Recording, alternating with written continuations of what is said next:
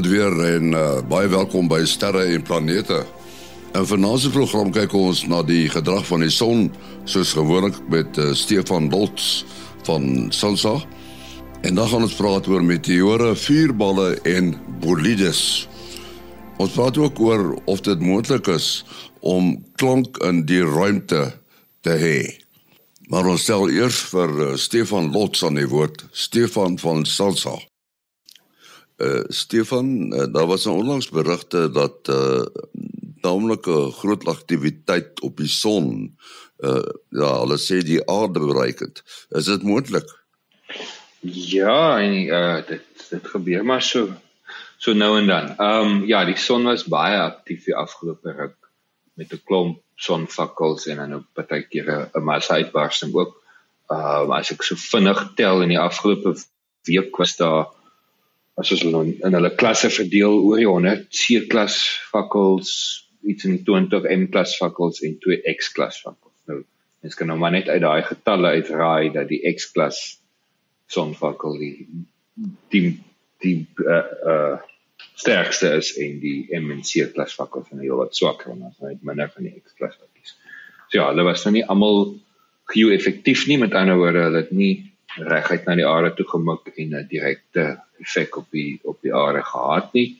En selfs van die wat geo-effektief was, was nie het nie 'n effek op ons sektor of ons uh, lengte graad gehad nie. So byvoorbeeld die daar's 'n twee klas fakkel wat op die 5 Augustus uitgebars het en hy het baie erge radiosterings oor die hele stille oseaan en die ooste van die VSA veroorsaak, maar amper geen effek op Afrika en Europa gehad. En dan laat ek kyk hier op Dinsdag, die 7de Augustus was daar nog 'n X-klas fakkel van hy selfe aktiewe area, maar um, gelukkig het hy hy wys nou nie na die aarde se kant toe nie, so ons kry nou net so rakelings en ons wag dan nou tans vir die impak van massa uitbarstings wat uit hierdie uh aktiewe area afkomstig is wat dan na die aarde sal tref. Dit is nie mooi aardgerig nie, so ons sal hulle hulle sal ons net so rakelings tref maar hulle is nou wat hulle noem die sogenaamde kannibalistiese uitbarstings met ander woorde die uh tweede opiale eerste in in en hulle vorm dan nou hierdie super bonal plasma uh wat dan nou deur die deur die sonnestelsel trek. Uh ek beplan nou juis om later die jaar saam met 'n uh, ookie van India hier aan te werk. Hy't so lekker teoretiese model wat die die transport van hierdie plasma modelleer en ons wil nou kyk of ons dan nou sulke sulke dubbel uitbarstings kan kan modelleer en dan bietjie met, met bietjie data analise en statistiek bietjie te kyk wat die wat die impak op hulle geo-effektiwiteit is. Ja. Eh, Stefan, ek het eh, 'n uh, vraag vir jou. Kyk ons weet nou al van magnetiese storms en natuurlik die auroras wat as gevolg daarvan ontstaan. Nou, die magnetiese storms kom direk van die son af. Sal 'n uh, planeet sê so Saturnus of uh, Uranus ook dieselfde intensiteit magnetiese storm kan hê? En ja en nee, ehm um, nie noodwendig presies dieselfde as die aarde nie, maar die ander planete word beslis ook beïnvloed. Daar's nou juis 'n uh, studie wat nou in hierdie maand gepubliseer is waar hulle vir die eerste keer dieselfde uitbarsting op drie verskillende hemelliggame gesien. Nie op dieselfde tyd nie want die hemelliggame is nie almal almal op dieselfde afstand van die son af nie. So hierdie was nou 'n sogenaamde solar energetic particle uitbarsting. Ek is nou nie seker wat die mooi Afrikaans daarvoor is nie. Dis nou hoë energiedeeltjies afkomstig van die son wat dan nou partykeer saam met 'n sonvakkel te gepaard gaan. En met deur nou uh, uh instrumente wat op Mars, op die maan en op die aarde is te analiseer eh, as as ook dan nou wat wat in die ruimte wentel om hierdie liggame kon mens nou mooi by verskillende hoogtes bo elkeen van hierdie liggame en op hulle oppervlakte hierdie selfde gebeurtenis dan nou dan nou waar.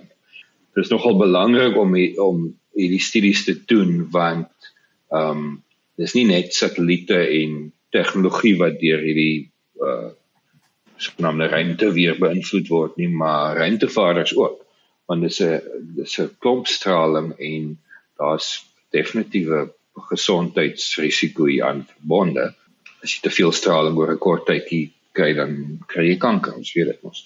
Hierdie studie is dan nou belangrik om na hierdie goed te kyk want wanneer ons nou mense Mars toe wil stuur of of maan toe of waar jy nou kal of sien nou maar basies op die maan wil bou wat definitief op die planne is vir die mensdom vir die afgelope vir die volgende klompie jare dan moet ons weet wat die effek op die op die oppervlak van die maan byvoorbeeld is. Ons weet hoe dit lyk in die ruimte wanneer daar oudjies op hulle 3 maande missie Mars toe is. Ehm um, want ons moet dan nou kan kyk hoe die ontwikkeling van ruimtepakke en ruimtetuie moet verander om die mense te beskerm. Om jou om jou kort vraag met 'n baie lang antwoord te antwoord. Ja, ander hemelliggame sien ook hierdie uh effekte en die effek lekker die effek op die grond van hulle het dan nou baie te doen met hoe hulle magneetveld lê. Want die aarde se magneetveld beskerm ons nogal baie want ons het magneetveld ons atmosfeer en uh, die maan en Mars is dan nou by byvoorbeeld baie minder beskerm. Wil ek wil vir jou ook 'n uh, vraag vra?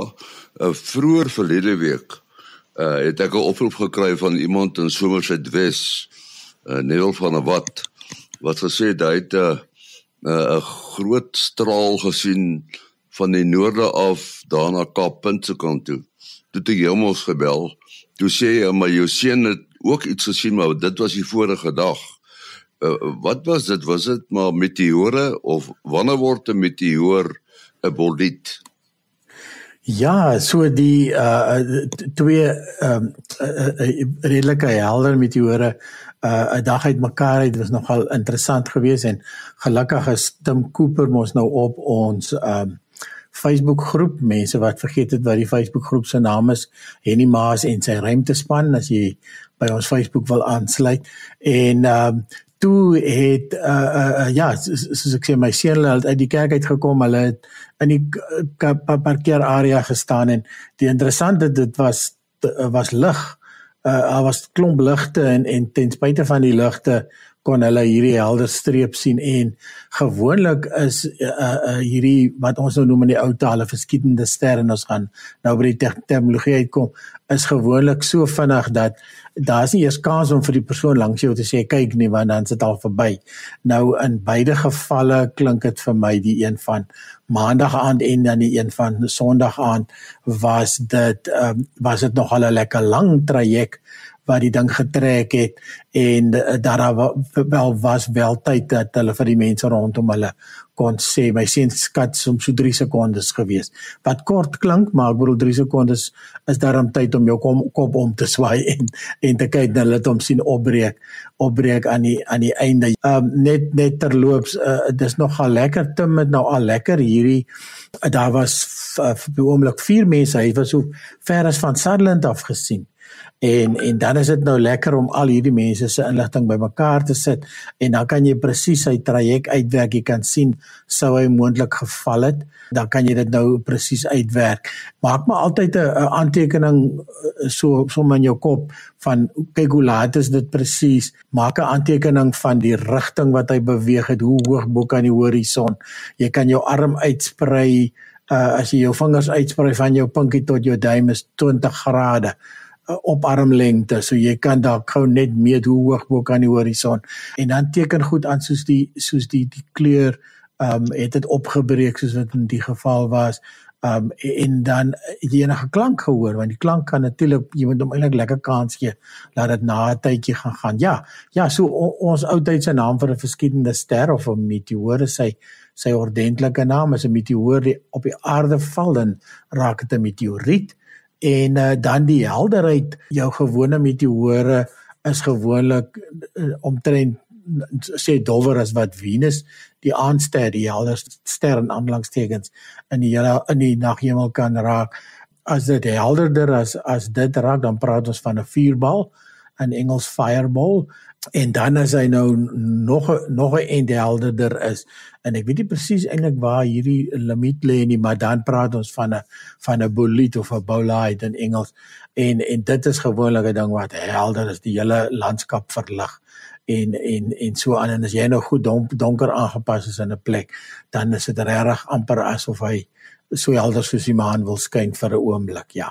Uh wil jy mense moet nou baie mooi onthou uh van wat jy moet onthou daai 3 sekondes. Jy kan nou nie al daai notas maak in 3 sekondes nie. Mens moet nou na die tyd natuurlik nou weer uh, terugdink. Maar uh, fokus daarop om so veel as moontlik te on, uh, uh, te onthou terwyl jy nou die uh, die verskynsels sien. Uh kan mense in die algemeen sê as dit die die so helder voorwerp wat lyk soos iets wat nou uitbrand of verbrokkel in die atmosfeer as dit baie vinnig beweeg, dan sal dit 'n tipiese meteoor wees wat dalk tot 'n meteoriet kan lei. Daar's dit jou wat stadiger beweeg, maar nog steeds vinnig, baie vinniger as uh wat hommeltuie of vliegtuie of so uh beweeg, maar stadiger as 'n uh, meteoor, dan kan dit moontlik ruimteafval wees. Sou dit 'n uh, veilige afleiding wees? Ja, ja, ek sou sê die die spoed gaan definitief kyk hierdie goed beweeg gewoonlik tussen wat dit 50 tot 70 km per sekonde. Ek meen dit is ja. 'n geweldige snelheid waardeur dit waarmee dit die atmosfeer inkom. Die die die die lengte wat hy sigbaar is gaan natuurlik ook uit afhang van die natuurlik hoe lank hy in die die deur die, die, die atmosfeer uh, oorleef en dan ook in die rigting wat hy kom as dit so ding direk op jou afkom uh, uh gaan hy baie langer sigbaar wees want want jy kyk hom jy kyk hom van, van voor af kan jy maar sê as wat jy hom van die kant af kyk. Maar jy's reg ruimte rommel is is definitief stadiger. En dan die ander ding van ruimte rommel is is jy het gewoonlik baie meer kleure want jy het nou allerlei metale wat uitbrand wat wat teen verskillende kleure brand. Waar in die geval en van Sondag aan uh, het my seun dit beskryf as dit lyk soos magnesium wat jy in die brand gesteek het in die, in die laboratoriums op op hmm. wetenskapklas op skool. So die ding ja. het bitterlik spierwit gebrand, maar jy kry definitief 'n uh, 'n uh, 'n uh, uh, verskillende kleure ook waarmee hulle brand, ja. Ja, ja. En die die meteore kan seker teen baie verskillende hoeke inkom. Ek kan my voorstel dat ruimteafval uh uit die aard van die bane wat hulle om die aarde volg gemiddeld platter sal uh, beweeg uh, meteore kan met uh, baie skerper hoeke inkom uh, of plathoeke by geleentheid.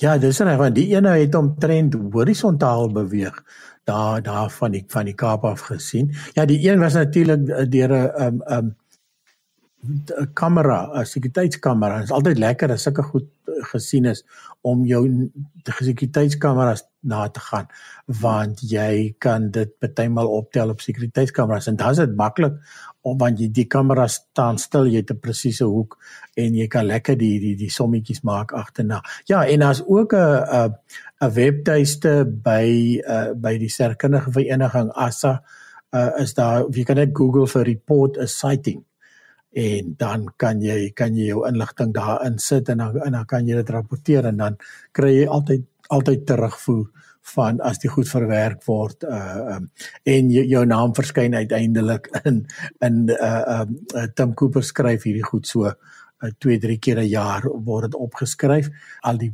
goed wat waargeneem is deur die jaar. Op watter hoogte begin die goed brand? Is, is dit so 100 km? Dis gewoonlik 'n bietjie laer, dis is so regtig so erns tussen 60 en 40 km op. En as natuurlik nou nog 'n ding, baie maal sal mense dink dit lyk of hy net oor die bult geval het en en hulle wil sommer in hulle bakkie spring en gaan kyk. en, en die goed is soos ek sê hierdie een is tussen Sutherland en die Kaap gesien dieselfde ding. So dit wys net vir jou hoe hoog hoe hoog trek hy nou en hoe ver trek hy en dan klink dit ook uh, soos Mati nou gevra het van die hoek dit lyk my hierdie ene het redelik skrams ingekom maar hy het uiteindelik uitgebrand want hulle het hom gesien opbreek aan die einde van sy baan. Dit was uh, ons ja. vriend Jurg Wagner daar op uh, Sutherland. Jy ken hom wel.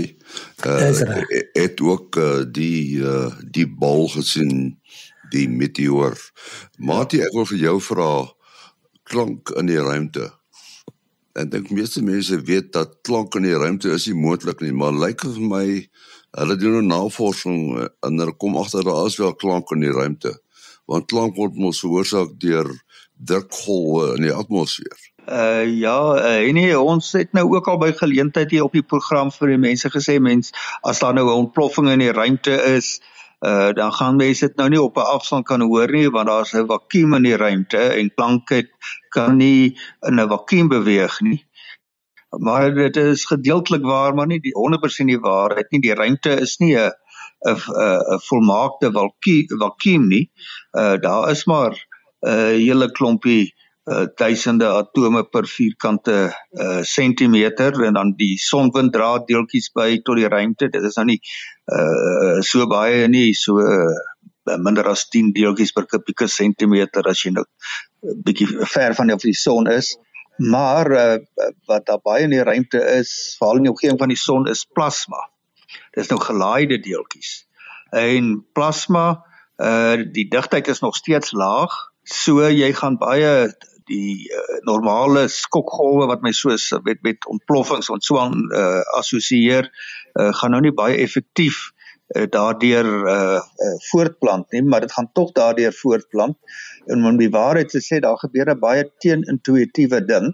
As mens nou dink aan die spoed van klank en ons begin nou by ons alledaagse ervaring uh, in ons hoor klank maar meestal deur die atmosfeer dan beweeg dit so teen ongeveer 330 meter per sekonde of 3 sekondes per kilometer en van die van ons wat nog uh, wat uitgenoeg is om nog aan die ou tyd atletiek te gekyk het wat hulle met die geweer geskiet het en dan sien mens die rook en dan hoor jy die die skootknal. Daar was 'n breekdeel van 'n sekonde uh en dit is nou weens die die tyd wat uh, uh wat klank vat om te beweeg. Nou in daai geval het was sê nou maar mense het 100 meter vanaf die wegspringplek uh, gesit, dan sou jy dit omtrent 'n derde van 'n sekonde geneem het tussen wat jy die rook sien en die en die knal hoor. Nou teenoor lig beweeg klank baie vinniger in 'n uh, uh in 'n vaste stof. So sê nou maar jy sit jou oor teen die teen die grond of kos maak dit nou maar harde oppervlak soos ehm um, soos 'n teerpad of uh, of plaveisel. Wat van 'n spoorlyn? ja, ja, ja, nog 'n spoorlyn, maar ek Pas op net vir die trein, hoor. ja, ja, ek wou nou nie vir die mense idee gee om hulle oor op die spoorlyn te gaan sit nie, maar dis eintlik waaraan ek gedink het. Dis 'n is dit gaan jy baie beter daar hoor.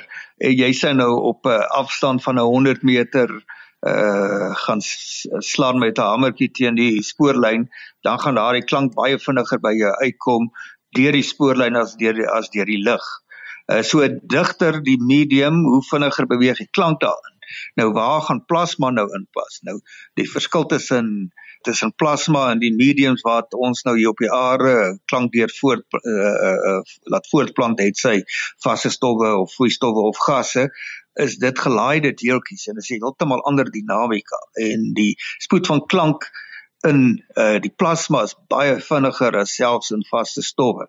Ek weet in ehm um, in yster sal mens 'n spoed van 5 km per sekonde kry in 'n uh, uh water omtrent so 1.5 km per sekonde en ons het nou reeds gesê ongeveer 0.3 km per sekonde in in in lig. Uh, in plasma kan dit 'n breekdeel van die spoed van van lig wees. Nou lig is wel iets van 'n ander orde, sy spoed nê, nee, van 300 000 km per sekonde. Nou mens kan so daaraan dink die gelaaide deeltjies uh as dit as 'n skokgolf dit nou tref, dan gaan dit beweeg. Dit gaan gestamp word maar die effek daarvan 'n uh, eh, ver op 'n groot afstand van daar af hoef nie oorgedra te word deur die deeltjies wat na aanliggende aangrensende deeltjies stamp en hulle weer aangrensende deeltjies want dit is basies maar hoe 'n drukgolf as ware werk druk word bepaal deur die krag wat 'n groot aantal deeltjies uitoefen deur deur botsings op die wande van 'n van 'n houer. Uh maar in daai geval is dit elektriese velde en die verstoring in 'n elektriese veld as gevolg van 'n gelaaide deeltjie wat gestamp word, uh dit gaan teen die die spoed van lig in daai medium beweeg. Nou daai medium is amper 'n vakuum. Dit is nou uh wel 'n plasma, maar dit is baie naby aan 'n vakuum. So die die werklike wiskunde daarvan gaan nou ingewikkeld wees. Ehm um, en ek gaan nou nie eers uh probeer voorgee dat ek dit nou sal gou kan neerskryf hier op 'n papier en vir die mense verduidelik nie maar mense kan nou maar weer daaroor uh gaan lees. Maar in elk geval dis klank kan deur plasma voortplant teen 'n baie hoë spoed uh maar dit gaan nou ook nie baie effektief wees soos naaste by soos in die atmosfeer nie. Maar dit gaan uh so daar gaan attenuasie wees uh so die volume gaan vinnig afneem. Uh wat die die die getal sterre in die hemelruim. Uh I mean niemand kan dit eintlik tel nie. Ek sê altyd vir mense dat uh wat ons van die hemelruim weet is twee goed: insig en toerusting. Uh hoe bepaal hulle hoeveel sterre in die hemelruim is want hulle maak seker afleidings. Ja, ja, jy laat my nou klik terugdink aan my kinderdae wat ons altyd mos dit die een moes altyd beter gewees het as die ander een so dan sê jy hoe hoeveel uh, uh, is dit dan sê is ontelbaar en dan sê die ander maar maar maar dis myne is nog meer as ontelbaar ontelbaar. En so het ons aangegaan. En ons het nog eers van miljoene en biljoene en triljoene ge, geweet nie. Jy's reg ja so as jy nou dink aan dis daar nou 'n klomp voels op 'n eiland sit en jy wil nou tel dan is dit baie moeilik om 'n presiese getal te kry. Maar in die meeste gevalle as jy net 'n baie goeie skatting kan maak, 'n 'n berekende skatting kan maak van van hoeveel hoeveel voels daar is, dan is dit gewoonlik in meeste tipes navorsingsprojekte is dit genoeg. En uh, wat jy dan as jy nou aanneem dat die verspreiding van voëls op die hele eiland is is redelik homogeen. Uh, Daar's omtrent dieselfde hoeveelheid per vierkante meter. Dan hoe hoef jy nou net een vierkante meter te tel en dan weet jy hoe wat die oppervlak van die eiland of jy kan dit bereken en en dan kan jy 'n goeie skatting maak of jy kan sê okay hierdie dele is minder en dit is omtrent 'n tiende van die eiland sit daar nou nie so baie voels nie ensovoorts maar dan die saak is so ehm um, so dit is maar die die eerste skattings gewees om om om uit te werk hoeveel uh eerstes uh, hoeveel sterre is daar in 'n sterrestelsel of 'n galaksie en dan hoeveel galaksies is daar. En en die in die ou tyd het ons altyd gepraat van 10 tot die mag 11 so dit wil sê 1 en 11 nulle. As jy dit nou gaan uh neerskryf dan kry jy 100 1000 miljoen. Ehm um, dit wil sê 100 miljard. En dan uh nou die in die laaste tyd het hulle veral met met na, uh, met um Hubble inligting wat nou um heel wat metings gedoen het en dan het hulle ook uh 3D modelle begin te opstel want as jy nou net dink aan aan uh, twee rigtings x en y wat wat jy in die ruimte in in kyk gaan jy een getal kry wat nou nie wat bietjie gaan verskil as jy nou in 3D gaan gaan kyk volumes begin te werk. En en die getal is nou omtrent met ehm um, hy's hy's nou met om ja dit met 100 verbeter.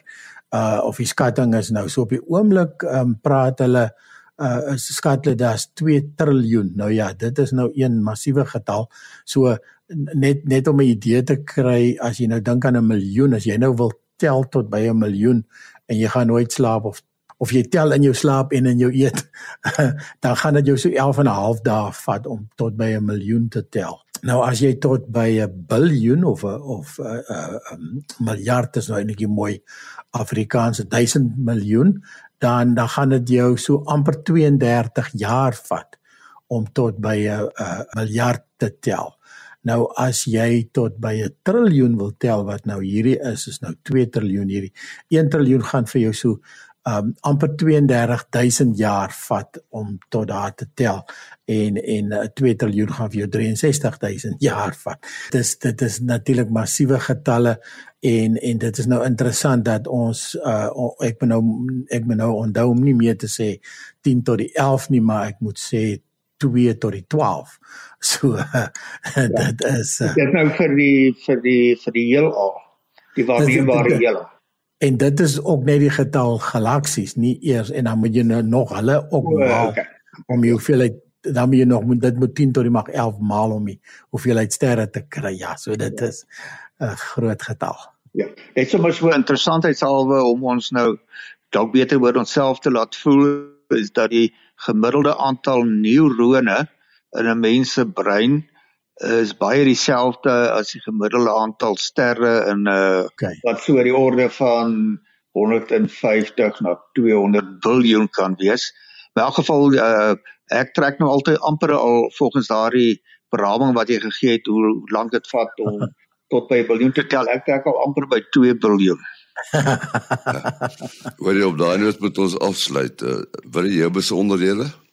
Ja, mense kan WhatsApp verkieslik 072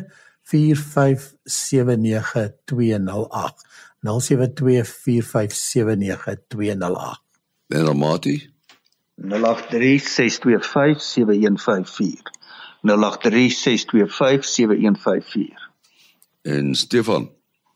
Ja, mense kan my gerus e-pos by slots@sansa.org.za. Dis S L O T Z by sansa.org.za. En onthou die program se e-posadres is sterreplanete@gmail.com. sterreplanete@gmail.com. Ons is volgende week weer op ons pos. Tot dan, alles van die beste.